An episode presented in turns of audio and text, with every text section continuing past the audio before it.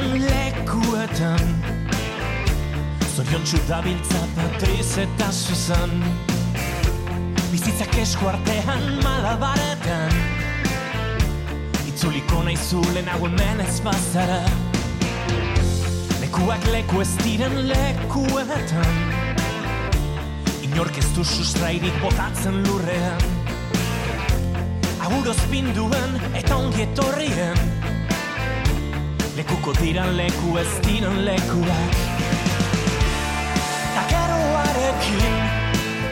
¿Qué tal estáis? Iniciamos una nueva edición de La Casa de la Palabra. Volvemos a escuchar dos entrevistas con un par de invitados. Son César María Aguilar, biólogo riojano en las selvas de Perú, y el reportero Miquel Repara, en busca de información por cada uno de los 50 estados de Estados Unidos. Llegó desde Logroño César María Aguilar para presentarnos su libro Biólogo en Salsa Verde, viaje a los bosques nublados de Perú. César describe sus andanzas por las selvas altas del norte de Perú como naturalista voluntario, ya que trabajó para tres asociaciones conservacionistas. Estudió y censó algunos de los primates más amenazados del mundo. César Aguilar nos lleva a uno de los lugares con mayor biodiversidad y endemismo de América Latina. Ahí estuvo, muy imbuido por toda la naturaleza, por ello el título de Biólogo en Salsa Verde. Nos lo contará César María Aguilar. Y luego Mique Reparaz, Reparaz, que desde que era estudiante de periodismo, pues sentía el impulso de realizar reportajes por las geografías del mundo. Con el tiempo ha estado en lugares como la India, Pakistán, Afganistán, Osetia del Sur, los Balcanes. Durante un lustro residió en Nueva York, en donde fue corresponsal de Euskatelevista en Estados Unidos. Con el tiempo ha sido autor del libro Las grietas de América, bajo la piel de un país dividido. Miquel Repara nos habla de sus experiencias en Estados Unidos, sobre todo sus viajes, porque conoce cada uno de los 50 estados de este gran país. Así que comenzamos ya. Entre las selvas y Estados Unidos vamos a estar y en principio, pues sí, nos vamos a las selvas de Perú.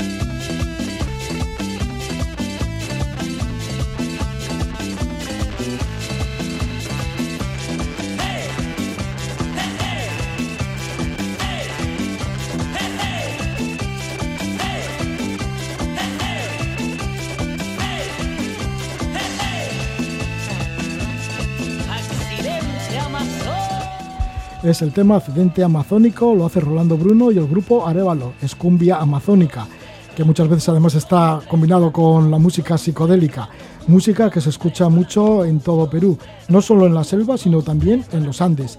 Y tenemos una persona que nos ha aconsejado esta música, que es César Aguilar, César Aguilar, que es el autor del libro Biólogo en Salsa Verde, viaje a los bosques nublados del Perú, y enseguida vamos a hablar de ello. Le damos la bienvenida César, ¿qué tal estás? Muy buenas noches. Hola, buenas noches, Roge. Que esta música te sonará de todo lo que has vivido por allí. Sí, sí, o sea, era montarte en un autobús, montarte en un coche compartido, entrar en, en un bar y, y cumbia amazónica, cumbia amazónica por todos los sitios. O sea, es el reflejo, es el reflejo de, de los meses que pasé por allí. Sí, sí, vamos a escuchar un poquito este accidente amazónico de Orlando Bruno, esta cumbia amazónica, y enseguida estamos con César María Aguilar Gómez para hablar de su libro Biólogo en Salsa Verde.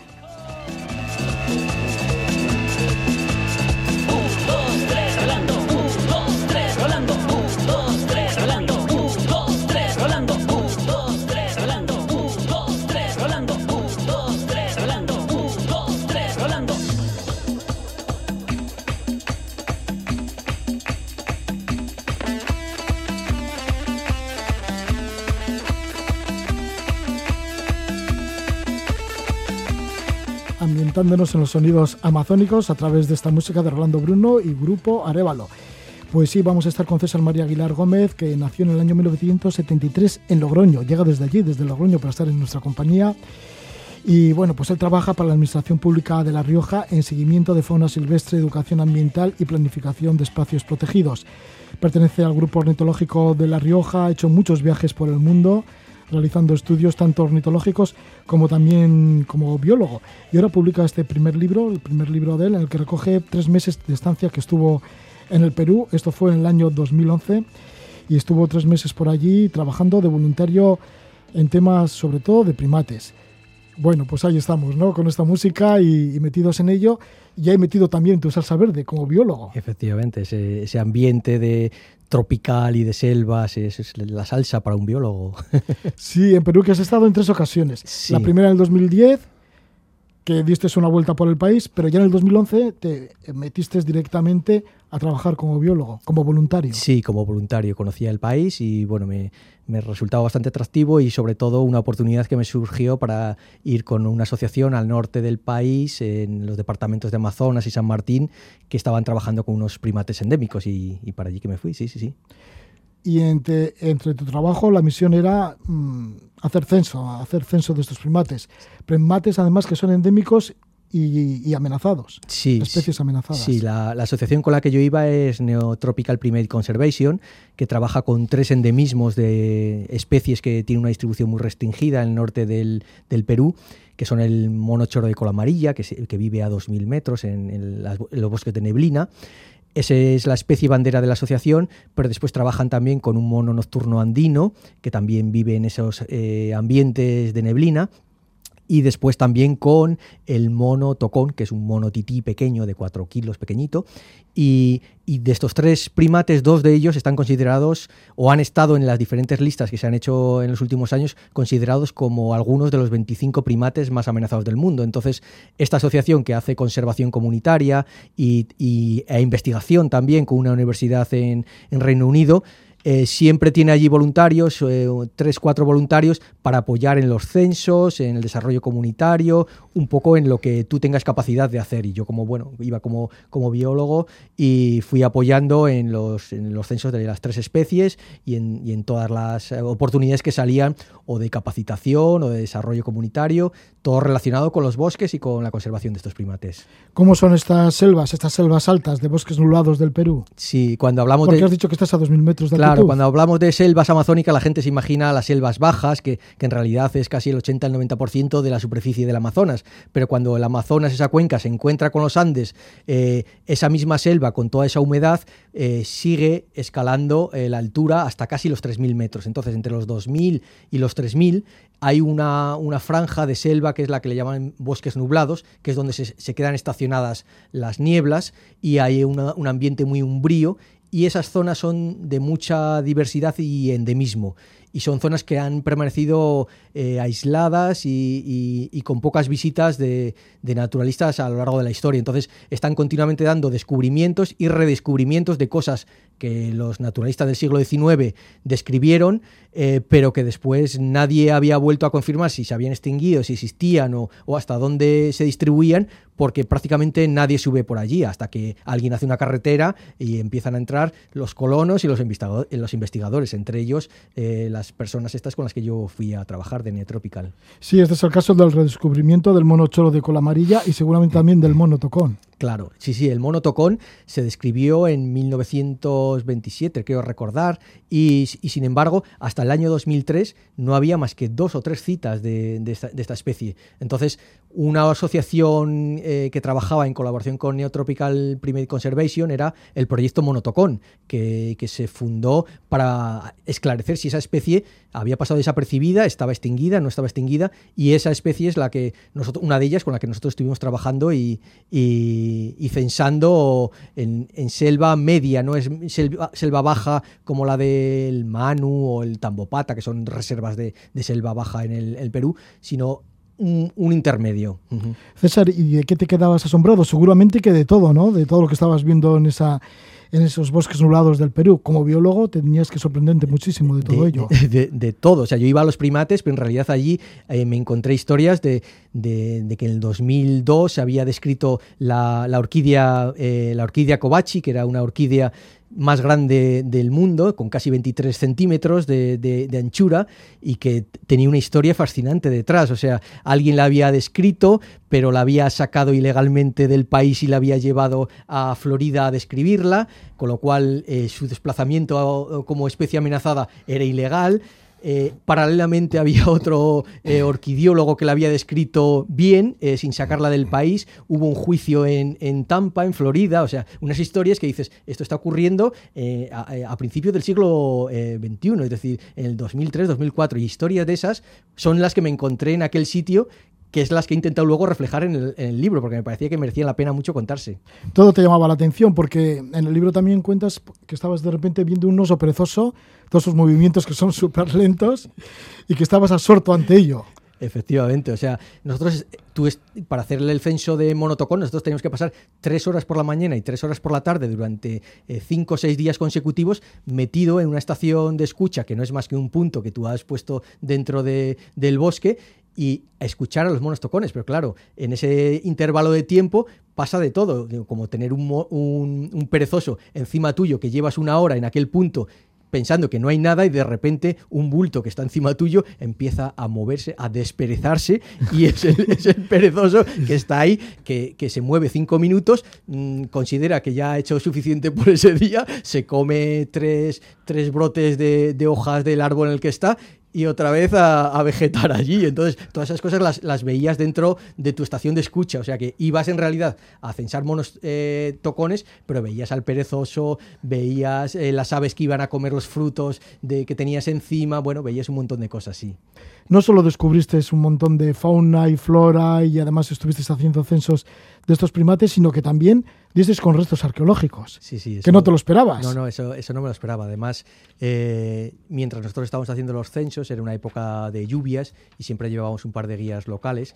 Y en una de las ocasiones que nosotros nos teníamos que guarecer ahí en, en unas cuevas para esperar a que pasase la lluvia, porque no podíamos estar censándolos, uno de los guías nos habló de, no, no, la cueva de los, de, de- de los cráneos. Y bueno, eso fue como un shock, una cueva de los cráneos aquí, esto. No, sí, sí, son, son tumbas de los incas. Entonces ya a partir de ahí empezamos a tirar del hilo ellos conocían más sitios de yacimientos arqueológicos y resulta que es que en esa zona de los bosques nublados hubo una, una civilización anterior a los incas que se llaman los chachapoyas, que se les conoce como los hombres de la niebla porque habitaban precisamente ese ecosistema, las yungas, los bosques de neblina y en ese ecosistema eh, hicieron muchísimas poblaciones, pero todas esas poblaciones se las comió la selva porque cuando llegaron los españoles, bueno, ya- ellos ya no estaban, habían pasado como eh, casi 100 años que, los incas los habían dominado y entonces todas las poblaciones secundarias que no tenían interés para el imperio inca se habían ido abandonando y se habían quedado en medio de, la selva y esa selva ha pasado los siglos, siglos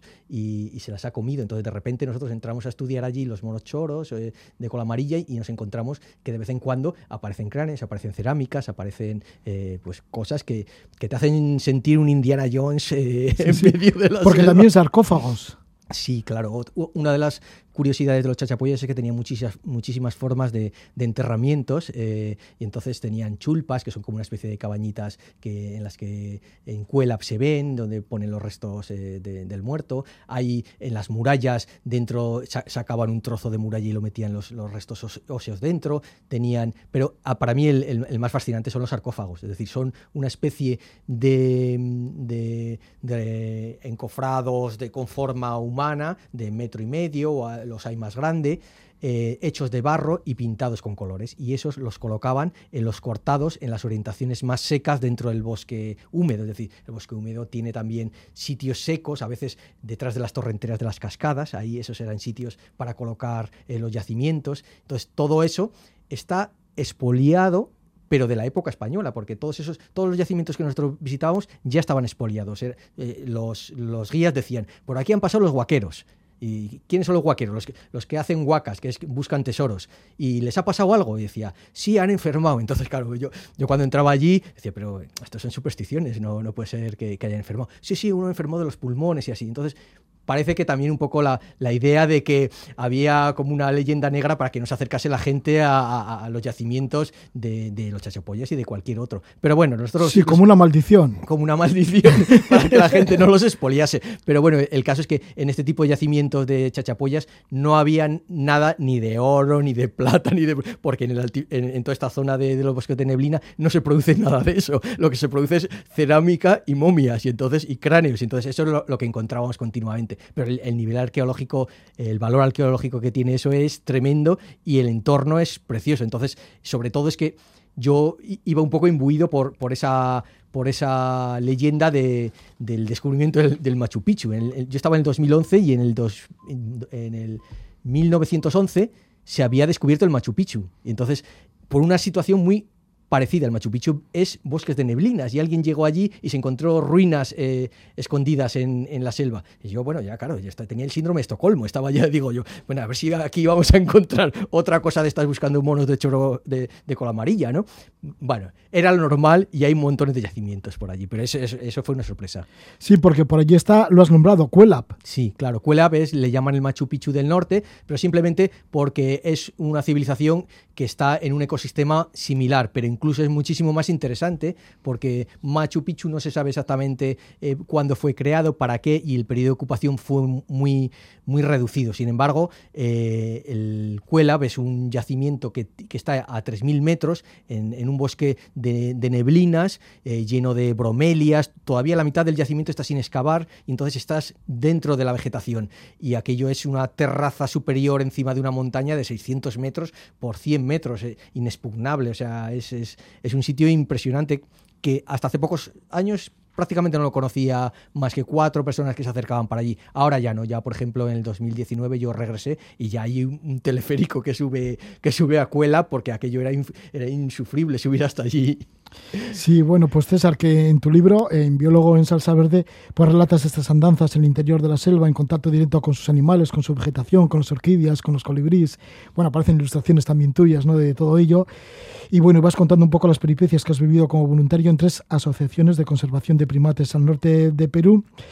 Y además de todo esto, pues visitas a Jesús Lupe de Castillo, que es un viejo amigo, un viejo amigo tuyo, porque ya le conociste anteriormente en un viaje anterior en el año 2010, un navarro que vive allí en, en Puerto Bermúdez, en la selva, en la selva central del Perú. Efectivamente, ahí ya como eh, era una estancia larga la que tenía en Perú y yo la había conocido en 2010, pues me dije, bueno, voy a, voy a visitar a, a Jesús también a Puerto Bermúdez, que llegar hasta Puerto Bermúdez eh, necesita voluntad. Tienes que pasar el puerto más alto de, de Sudamérica que lo cruza una carretera, que es el Ticlio Anticona, que está a 4.000 y algo. Después es una carretera buena, o sea que tampoco, pero eh, recuerdo tardas muchas horas para, para Desde llegar hasta Lima, allí. sí. Desde Lima, sí, sí. Y claro, eh, tienes Bueno, que ir hace ya un desde- tiempo se tardaban como 24 horas seguidas para llegar hasta a- allí. Ahora ya creo que menos, ya no recuerdo, pero, pero 12, 12, 14 horas es, es- es fácilmente, sí, sí, sí. Sí, porque luego ya bajas del puerto y llegas a las Mercedes Claro, y luego ya te internas en la selva. Eso es, y entonces ya solamente llegar allí eh, y, quedarte un tiempo y bueno, con Jesús ahí estuve unos días, después Jesús me recomendó para visitar el el- albergue del Humboldt, Sí, que el regenta. albergue de Humboldt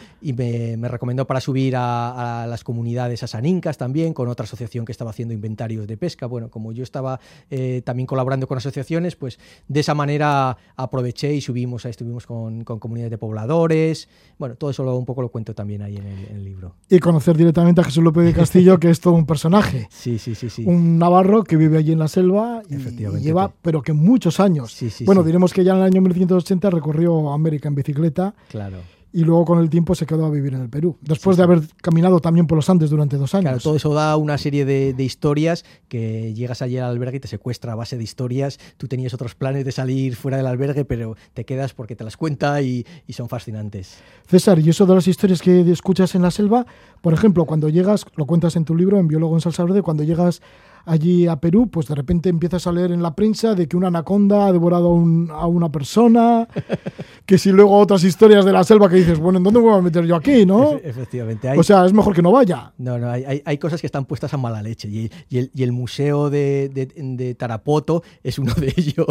Ahora sí, el- porque llegaste allá a Tarapoto para luego internarte en la selva, ¿no? Efectivamente. Para luego hacer el censo de El- primates el, y eso. el Museo de Tarapoto era, yo creo que lo último que, que leí de él es que estaba en reforma, no me extraña, porque era un bajo en el que se acumulaba todos los desperdicios de fauna que había por recogidos por los alrededores y entre ellos había una enorme, una piel enorme de anaconda con, una, con un recorte de periódico eh, diciendo que se había comido a, un- a un- una persona y claro, para una anaconda se las puede comer perfectamente, eh, pero después para sacarlo hay que recortar eh, la piel y bueno, pues en el museo ese no se les ocurre otra cosa que al lado de la piel de anaconda eh, de casi cuatro metros eh, poner la, la foto del, del- hombre este del periódico que le había comido. Entonces, claro, uno llega para allí el primer día para hacer censos de esto y dice, esto, esto me va a tocar a mí seguro. Yo que me eché unas siestas de hamaca de órdago, me, enganché una de estos. Y bueno, después resulta que a los 2.000 metros, que era donde estaban en La Esperanza, eh, no, no es zona de anacondas. Pero otras zonas sí, y el Pacaya Samiria, donde fui a, a- a visitar la selva baja, sí era zona de anacondas y al final acabé viendo anacondas. Pero me defraudaron porque tenían metro y medio. Es decir, Sí, no- las de cuatro metros son las de los museos. Ya no te podían devorar. No. Pero bueno, ya se atacan asfixiando, ya sabes, ¿no? Bueno, que lo nombras además en el Sí. libro. sí. Bueno, has tenido suerte y ya estás aquí vivo, así que... Sí, sí, sí. Bueno, pues esto relatas en lo que fue tu segundo viaje a, a Perú, en el que hacías de voluntario en el año 2011.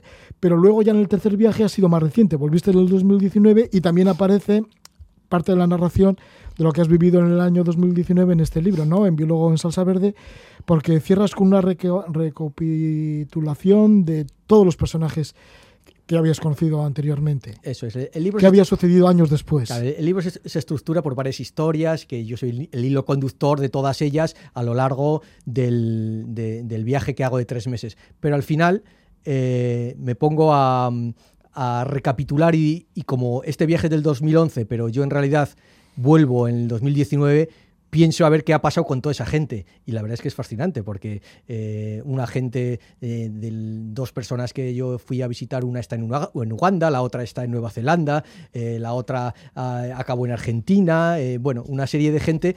Y cierro ese ciclo de, qué pasó en esos ocho años que yo me he dedicado a escribir el libro muy despacio, pero bueno, me ha dado tiempo para hacer ese capítulo final y, uno último en el que eh, pongo un poco eh, un listado de todas las especies que voy narrando. Porque a veces me pregunta la gente, ¿este libro es para, para biólogos? Porque con ese título eh, esto tiene que ser para, para iniciados, en absoluto. Es decir, no pongo un nombre científico en toda la narración. Sin embargo, yo entiendo que como lector eh, interesado, eh, ahí puede haber gente que quiere saber qué es ese nombre común que yo he dado a esa especie. Bueno, pues todo eso tiene un glosario al final para, para ese, ese, ese espectro de, gente que quiere conocer un poco más, aparte de quedarse con la narración eh, de, aventurilla del libro. Sí, que es un glosario de animales y plantas. Y ya una vez que ha regresado de nuevo a esta gente que estaba cuidando pues, a, a esos primates, ¿se sigue conservando todos esos primates? ¿Se sigue, mm, ¿Todavía va más ello? Sí, y algunos de estas asociaciones que han estado haciendo censos después los han seguido repitiendo. Y por ejemplo, el censo de mono choro de cola amarilla que se repitió al cabo de cuatro o cinco años de estar yo allí, salió que se incrementó, es decir, que la protección había sido efectivo. Y el de mono tocón exactamente lo mismo, es decir, que también da el libro un brote de esperanza de que iniciativas eh, comunitarias de, conservación desde abajo pueden funcionar y pueden ser un complemento a los parques nacionales, que no todo puede ser parque nacional allí. Así que es muy, muy importante también la concienciación, Efectivamente. hacer cultura mm, de lo que es la naturaleza y de que hay que conservar esos animales y de esa vegetación, porque Sí. es beneficio para todos. Eso es, eh, la, la gente allí va, va dándose cuenta que, que- que pueden entrar en un momento dado eh, arrasando, pero que eso no tiene viabilidad a medio plazo. En cuanto que sacas la madera, en cuanto que, que ya eh, has consumido todo ese capital primero, eh, llega un momento que te tienes que seguir continuamente desplazando porque son suelos malos. Sin embargo, si buscan otras alternativas y esas alternativas normalmente no se les ocurren a ellas, a ellos o necesitan un apoyo de otra gente de, conservación que tiene una visión un poquito más amplia, de ecoturismo, de, de- hay ahora, por ejemplo, con el tema de, certificación de carbono, a, cambio de no talar bosques, de, puedes acceder a determinados programas. Bueno, todo eso las asociaciones es lo que trabajan.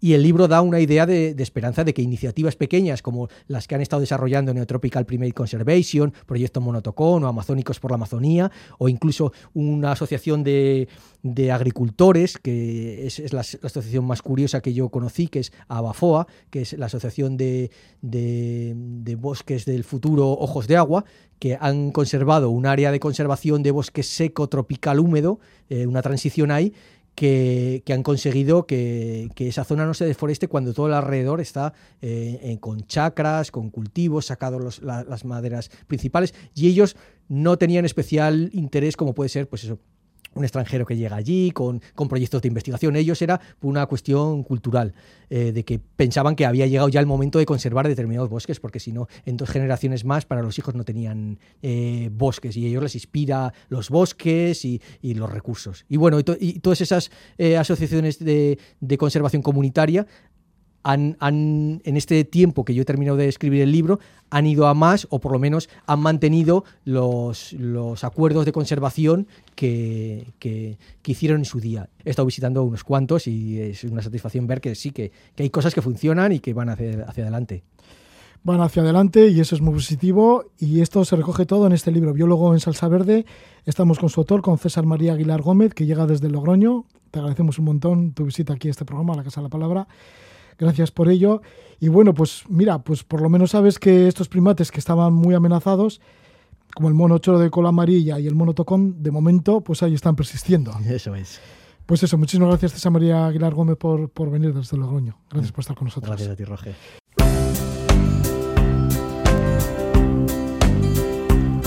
It's midnight at a liquor store in Texas. Closing time. Another day is done. When a boy walks in the door and points a pistol, he can't find a job, but Lord, he's found a gun. He pulls it off with no trace of confrontation. Then he lets the old man run out in the street. Even though he knows they'll come with guns ablazing already he can feel a great relief. Oh, how many travelers get weary, bearing both their burdens and their scars. Don't you think they'd love to start all over and fly like eagles out among the stars? Es la voz de Johnny Cash inconfundible con el tema Out Among the Stars de su disco póstumo lanzado en el año 2014 con material de sesiones entre 1981 y 1984. Estamos con una persona que ha estado en la misma casa de Johnny Cash. Él es Mikel Repara, nació en Arbizu en la barra en el año 1975. Es periodista de información internacional Dicen que de pequeño coleccionaba sellos y pintaba mapas y es así que luego se lanzó enseguida al mundo. Cuando todavía era estudiante vivió de cerca los últimos coletazos de la Guerra de los Balcanes. Ha sido corresponsal de ITV en Bruselas y durante cinco años en Nueva York donde residió con su familia. Publica ahora el libro Las grietas de América bajo la piel de un país dividido. Es el resultado de su estancia en Estados Unidos y de otros viajes que ha realizado para conocer sobre el terreno la actualidad de este extenso país. Miquel Reparaz conoce cada uno de los 50 estados de Estados Unidos. Ha recorrido desde Nueva York a Washington, desde Alaska, bueno, pues ha ido a Alaska, a Hawái o ha recorrido el río Mississippi visitando la casa de Johnny Cash. Le damos la bienvenida a Miquel Reparaz. Gabón, buenas noches. Gabón, Gabón Roge.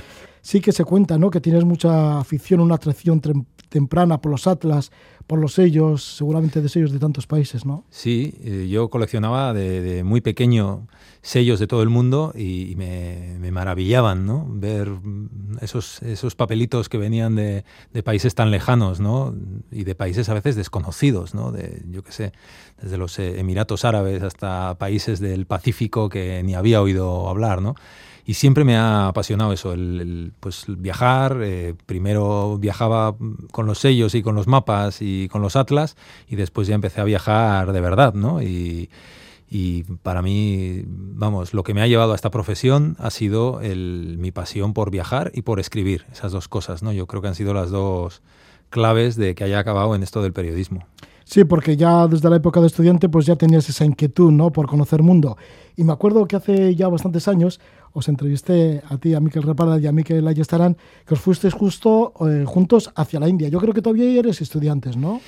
Eh, sí, yo creo que no, para entonces habíamos terminado la carrera, ah. pero mm, sí, pero vamos, eh, recién, recién graduados, yo creo.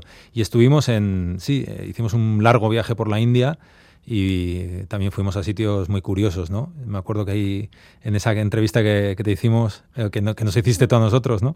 Eh, hablábamos de, ese templo de las ratas en sí, ¿no? En, en, Rajasthan, un sitio increíble, ¿no? Y, y sí, fue una, fue una experiencia muy buena. Eh, yo siempre, bueno, desde la universidad hemos tenido amistad, eh, Miquel Aguistaran y yo, y hemos hecho viajes juntos y, en fin, tenemos muchos recuerdos ¿no? compartidos. Porque además de la India y de estar en el Templo de las Ratas, que no se me olvida aquella entrevista y este Templo de las Ratas, con Miquel, ¿fuisteis a otros lugares también? a otros Bueno, ya has dicho, ¿no? Sí, bueno, allí hicimos, eh, estuvimos en el Himalaya también haciendo monte, en, en los Anapurnas y en eh, y luego también, eh, bueno, aparte de aquel viaje hemos hecho otros, ¿no? Por, Oriente Medio, en Egipto, me acuerdo que hicimos un viaje en Faluca por el Nilo juntos, también, sí, sí, tenemos muchas aventuras. ¿Siempre unes el viaje con la realización de algún reportaje, con escribir?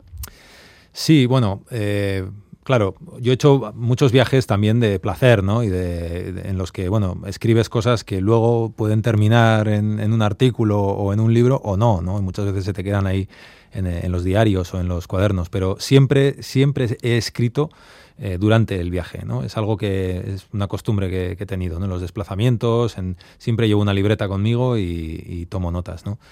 Pero es verdad que ya en los, durante estos últimos años eh, mis viajes han sido más eh, relacionados con mi trabajo, ¿no? con pues bueno, eh, desde viajes a, conflictos o, a cubrir elecciones en, países hasta mi estancia, mi larga estancia en Estados Unidos, que me ha permitido, pues eso, recorrerme toda la geografía de Norteamérica y el Caribe también, porque me ha tocado también viajar a, Cuba durante las, negociaciones entre Estados Unidos y, Raúl Castro y bueno, y en otros países. De Obama en los tiempos de Obama, eso es, y otros muchos países también del, Caribe, pues Jamaica y, Centroamérica.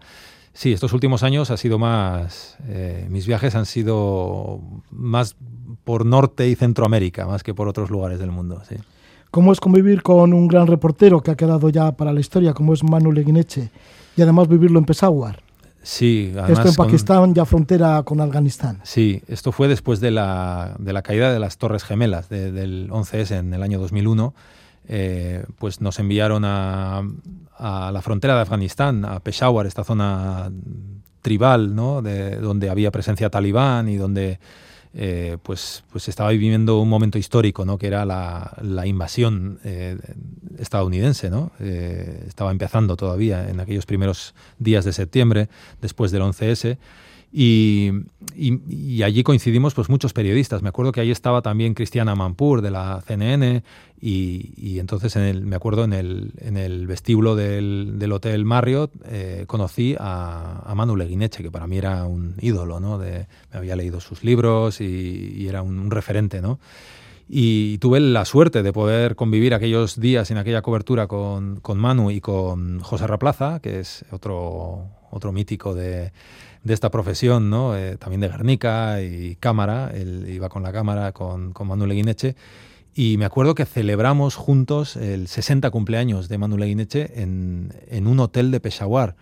Eh, claro, ahí, ahí se aplicaba la Sharia y no había, no había bebidas alcohólicas, no había bares, ¿no? Mm. Entonces eh, Manuel quería celebrar bien su cumpleaños y, y, se conocía bien Peshawar y me acuerdo que nos llevó a, a un hotel a la quinta planta de un hotel donde había un lugar secreto donde se servía eh, whisky, cerveza y otras bebidas alcohólicas que estaban prohibidas ¿no? en aquella zona. Y me acuerdo que celebramos el cumpleaños, el 60 cumpleaños de Manu Leguineche en aquella habitación secreta donde había un barman eh, y me acuerdo que había un, televisor donde, donde se veían imágenes de, de oraciones, ¿no? de mezquitas. Y me acuerdo que fue un, sí, una celebración muy surrealista pero vamos, fue, fue todo un privilegio poder compartir eh, aquella cobertura con Manuel Ineche.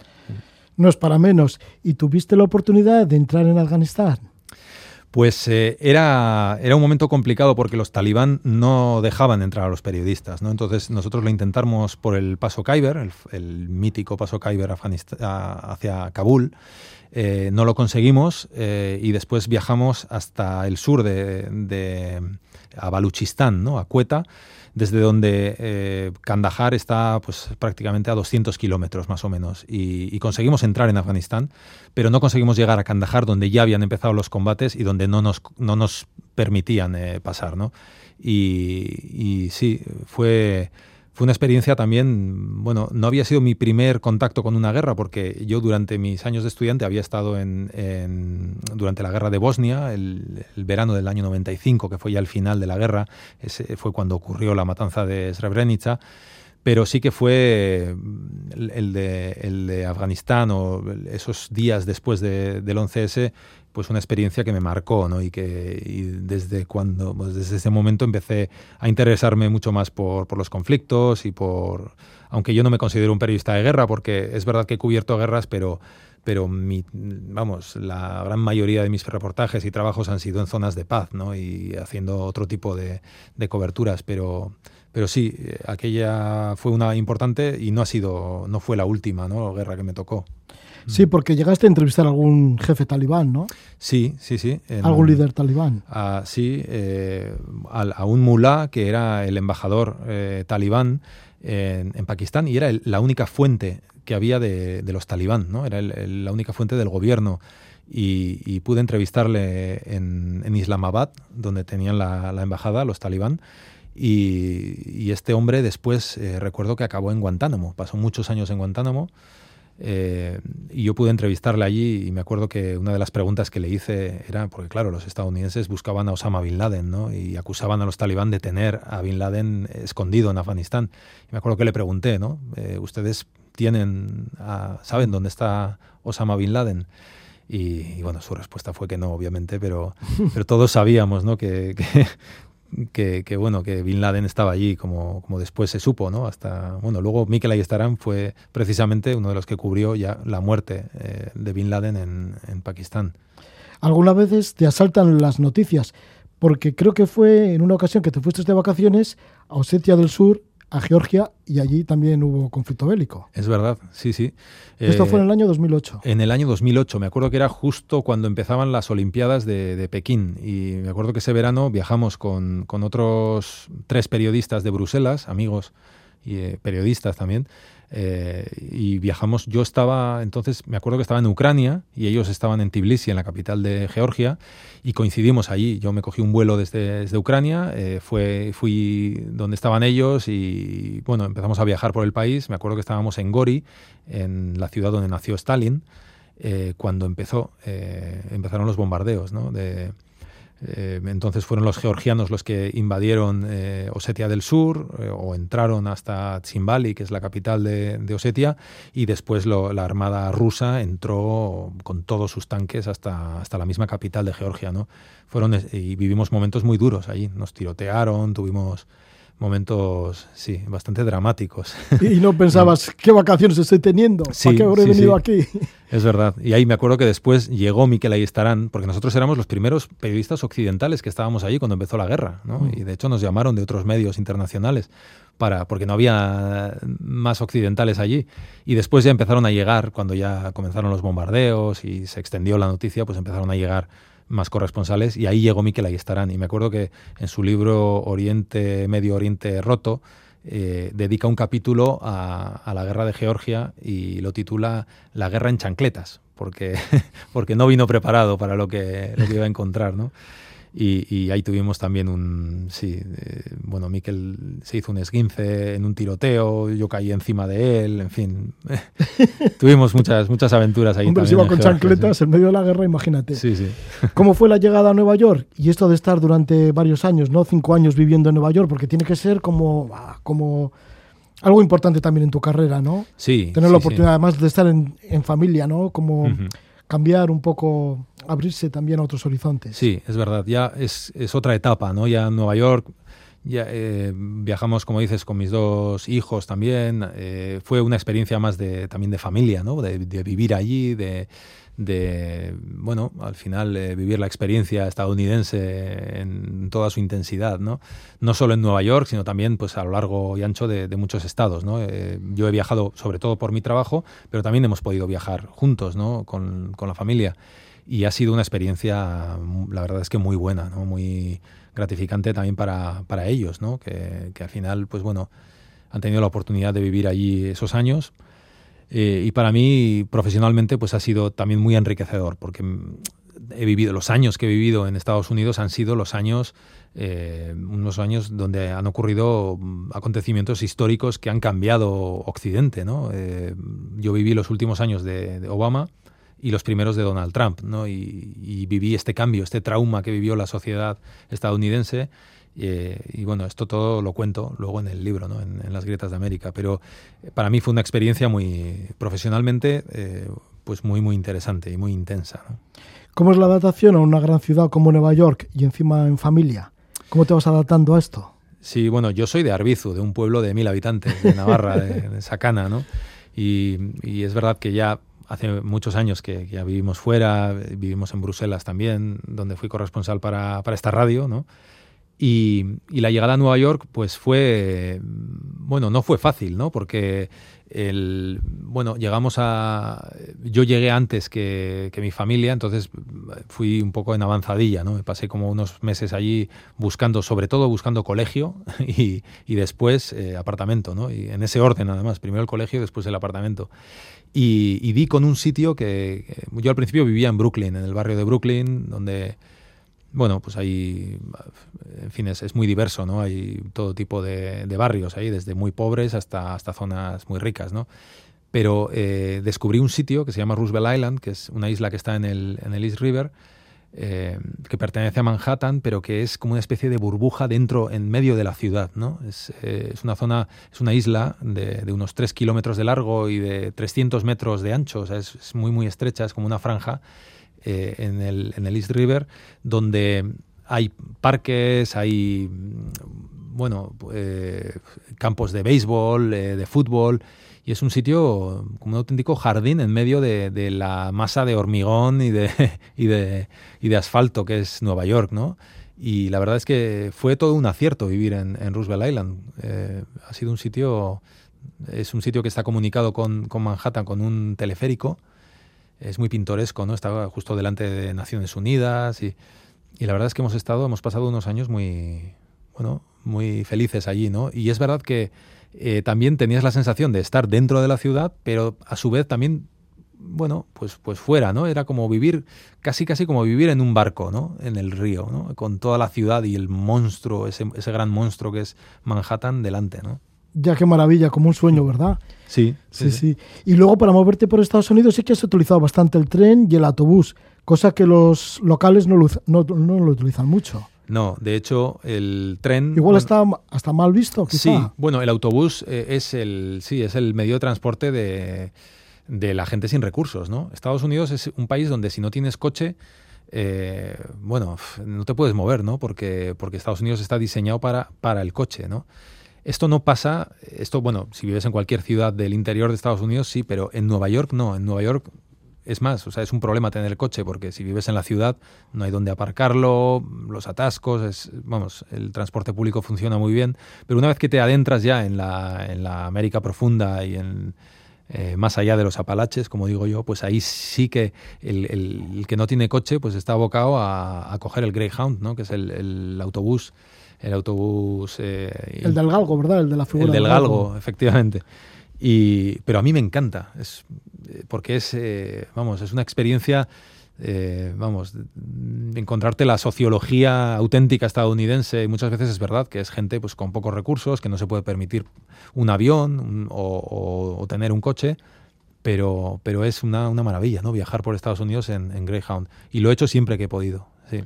Sí, ¿qué tipo de pasajeros te puedes encontrar?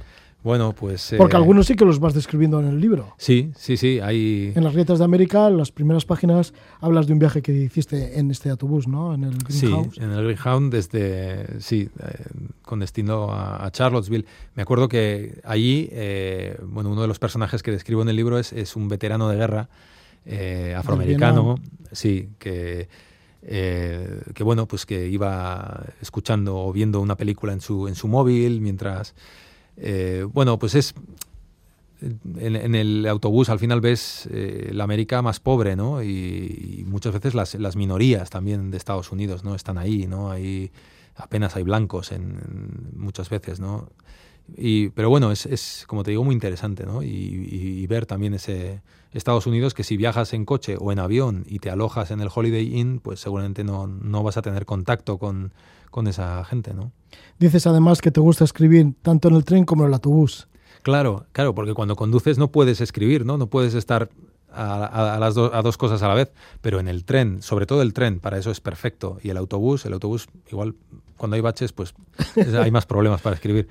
Pero, pero es una maravilla, ¿no? Poder ir mirando el paisaje eh, y escribiendo, ¿no? Incluso en el ordenador, que yo muchas veces llevo el, el ordenador portátil conmigo y, y, voy escribiendo sobre la marcha, ¿no?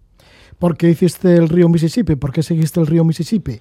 desde Iowa hasta Nueva Orleans, hasta la desembocadura. Hasta, hasta, hasta el Golfo de México, sí, pues el, esto fue un viaje que hice para, para hacer una serie de reportajes eh, desde eh, pasando desde Iowa, pasando por, por Ferguson, donde en 2014 mataron a, Michael Brown y empezó todo el movimiento eh, Black Lives Matter y, donde tenía yo contactos con gente de, de este movimiento.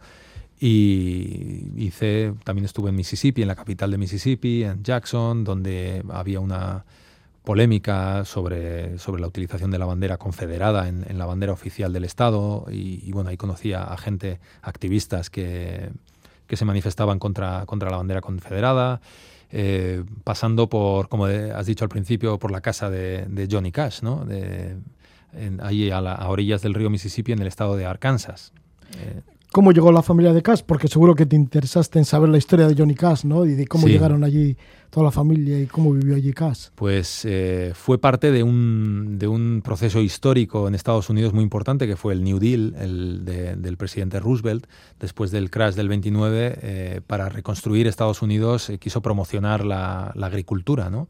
Y para eso el gobierno federal daba a, los granjeros que quisieran tener una propiedad en propiedad de terrenos, les daba 40 acres de, terreno y, una mula para poder eh, cultivar el, la tierra, ¿no? Y esto, esto pasó en los años 30 y la familia de Johnny Cash eh, pues se acogió a este programa y, se fue a vivir a una colonia, porque entonces se llamaban colonias, las, donde iban los granjeros a, cultivar eh, con ayuda del gobierno federal, y se fueron a una colonia que se llama Dyess, que está eh, muy cerca del río Mississippi, en el lado de, Arkansas, muy cerca de,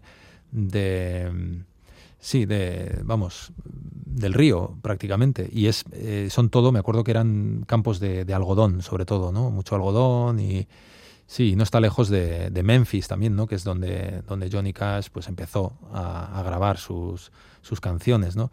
Y ahí está el, está la casa, la casa donde, donde vivió, además está, está tal cual, o sea, como... que es una casa unifamiliar. Es una casa, sí, una casa de madera, una casa de madera en medio de, de un terreno eh, y pues bueno, ahora lo tienen, se puede visitar. Hay, hay un centro de visitantes en el, en el pueblo y te llevan y te, te enseñan la casa. Eh, hay un museo de Johnny Cash también.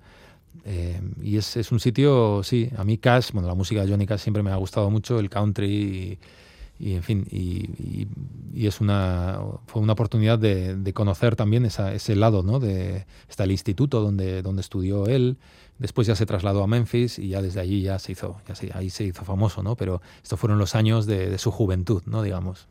Estamos con Miquel Reparaz, Miquel Reparaz que pronto irá hacia Estados Unidos para seguir las elecciones presidenciales en este país. Miquel Reparaz, que ha escrito y ha publicado el libro Las grietas de América bajo la piel de un país dividido. Estamos hablando de algunos de sus viajes, sobre todo pues viajes de otra época, ¿no? De tus viajes como reportero y también como viajero, ¿no? Con ganas de conocer mundo. Y estamos repasando, pues sí, tu llegada con la familia a Nueva York y algunos viajes que has realizado por los Estados Unidos, que conoces los 50 estados, ¿no? De Estados Unidos. Pues sí. Incluido Hawái o también has estado en Alaska. Sí, sí, incluido Hawái porque, eh, bueno, yo había visitado, llegó un momento que por mis viajes de trabajo, al final había visitado 49 estados, ¿no? Los 49 estados continentales, ¿no? Y entonces eh, llegó el momento de dejar la corresponsalía eh, y ya me, tenía que volver Eh, y entonces eh, me di cuenta que me faltaba un estado, ¿no? que era Hawái.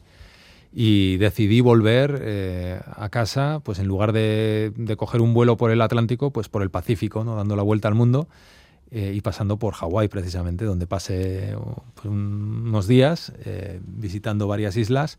Y ya de allí me acuerdo que volé a, después hasta Tokio y de Tokio ya hasta aquí.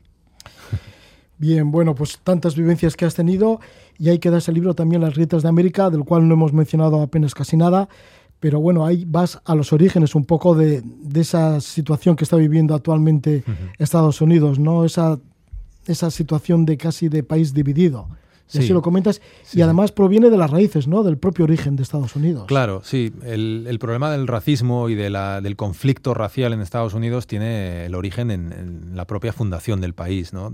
Fue un país que se independizó, las 13 colonias famosas de, de Norteamérica eh, se, se, independizaron del Reino Unido y crearon una democracia ¿no? moderna, la primera del mundo, sobre una base, eh, sobre una economía basada en la mano de obra esclava, ¿no? Y eso provocó pues que, que los, los, los, negros que habían venido en barcos negreros a, hasta América pues eh, se convirtieran en, un, en una minoría eh, oprimida en el país, igual que los indígenas. Los indígenas también los expulsaron de sus tierras y los, los masacraron. Y todo esto pues, provocó un conflicto que sigue vigente a día de hoy y sin solución todavía, ¿no?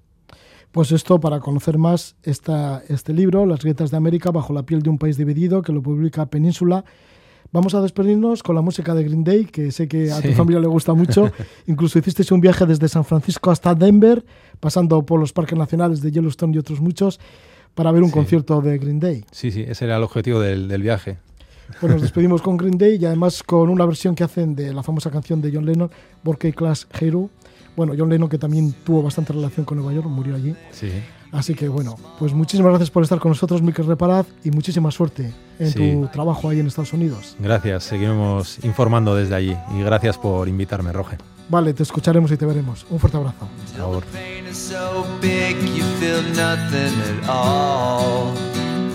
Os dejo con Green Day.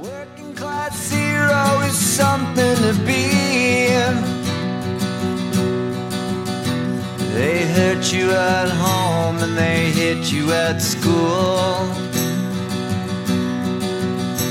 They hate if you're clever and despise a fool. Until you're so fucking crazy you can't follow their rules. A working class hero is something to be. Working class hero is something to be in. When they tortured and scared you for 20 odd years. And then they expect you to pick a career. When you can't really function, you're so full of fear.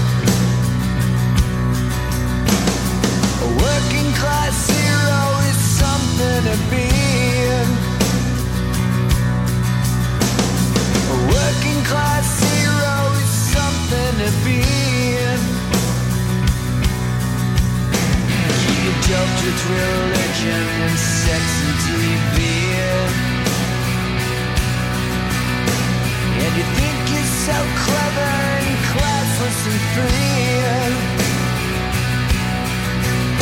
But you're still fucking peasants as far as I can see.